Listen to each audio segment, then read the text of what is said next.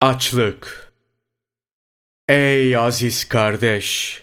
Ey din yolunda bana yoldaş! Hak Teâlâ tevfik ve yardımını refik kılsın. Anlatacağım yedi husustan ilki az ve helalinden yemektir. Allah Celle Celaluhu Mü'minun suresi 51. ayeti kerimede şöyle buyuruyor. Temiz ve helal olan şeylerden yiyin. Güzel amel ve hareketlerde bulunun. Çünkü ben sizin yaptıklarınızı bilirim. Resulullah sallallahu aleyhi ve sellemin hadisi şerifi ise şöyledir. İbadet on kısımdan oluşur. Dokuzu, helal olanı talep etmek, bu yolda gayret göstermektir. Allah'ın selamı üzerlerine olsun. Adem babamızı ve Havva validemizi duymadın mı? Karınları yüzünden ne zorluklara düştüler. Hak Teâlâ, o ağaçtan yemeyin demesine rağmen o ağaçtan yediler. Böylelikle cennet elbiselerinden olan başlarındaki taç düştü. Bu halde cennetten çıkıp dünya zindanına indiler. Hataları yüzünden yıllarca gözyaşı döküp binbir zorluk gördüler. İşte çocukları olan bizler de karınlarımız sebebiyle zorluk çekiyoruz. Bil ki hakikat şudur. Azalarının hepsinin iyiliği ve kötülüğü karnından kaynaklanır. Her şey midenden başlayıp diğer uzuvlarına yayılır. Mide denen şey su musluğuna benzer. Bu musluktan dört bir yana çeşme ve sular dağılır. Borudan su gelmezse çeşme kurur, harap olur. Atlı veya yayan hiçbir yolcu kurumuş bir çeşmeye uğramaz. Orada durmaz. Mideye giren yemeklerde boğaz denen borudan geçip diğer azalara dağılır. Mesela kişinin yediği göze görmek, kulağa işitmek ve dile söylemek olur. Böyle olduğundan fazla yemek yiyenin uzuvlarında şehvet galip gelir. Dil çok konuşmak ister. Çok konuşmada yalan, gıybet, küfür ve boş sözlerin olması tabiidir. El vurmak, tutmak, kendinden zayıf ve mazlumları incitmek, haram helal demeden uzanmak ve Allah korusun hırsızlık yapmak ister. Ayak, çeşitli günahların işlendiği meclislere, zalim ve boş gezen fesat ehlinin yanına gidip gelmek ister. Göz, haram helal ayrımı yapmadan bakmak ister. Herkesin sırrına vakıf olmak adına gözetler. Şehvet uyandıran kadınları seyredip takip eder.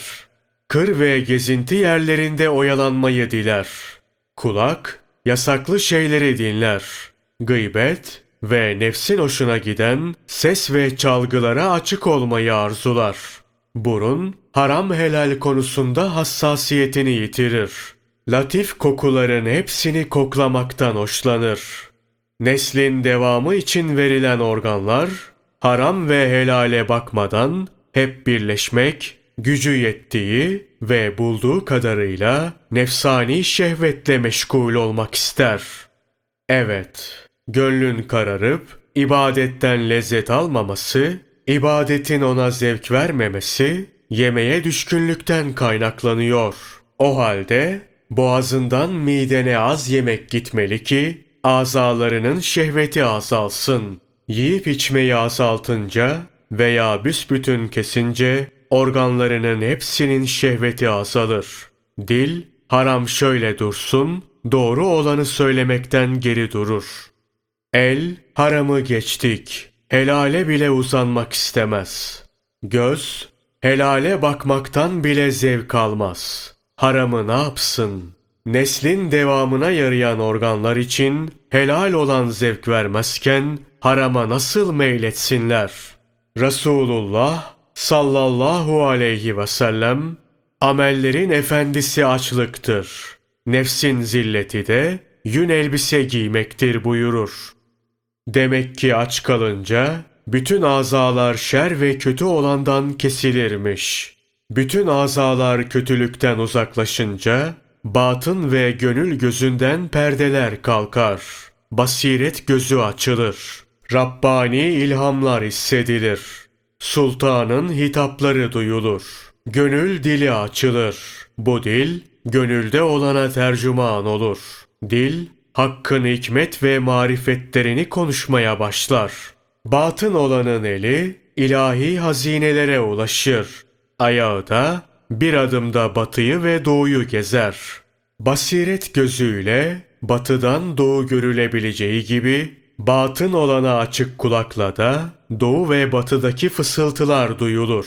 Böyle bir el, günlerce uzaktaki yola uzanırken, ayakta bir hareketiyle doğudan batıya gidip gelir. Tayyi mekan edilir. Belki seyir, yer ve göğe bile yetebilir. Bu makamdaki kişi için örtülü, saklı hiçbir şey kalmaz. Ey aziz! Bu söylenenler sana garip gelmesin. Allah ondan razı olsun. Hazreti Ömer'in çamurlu parmağını uzatıp Rum padişahının gözünü çıkarttığını hiç duymadın mı? Sariye bin Züneym adında bir pehlivan varmış. Bir aylık yol uzaklığında kafirlerle savaşıyormuş.